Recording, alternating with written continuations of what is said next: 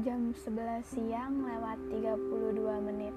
Masih di bulan Maret Masih di tahun 2020 Kecewa yang pernah dia punya Kini tertimbun dalam menjadi luka. Rasa sakit yang pernah dia terima Kini tertumpuk hebat Menjadi sesak dalam dada.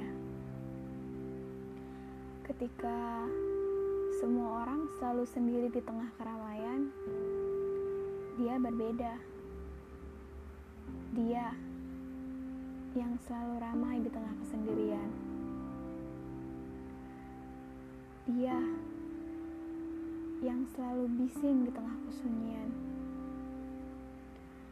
Raganya terus berlari mengejar impian.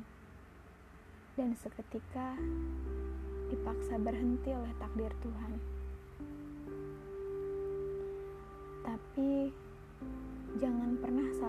Takdirnya.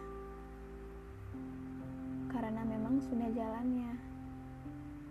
Ceritamu seindah itu untuk dituliskannya.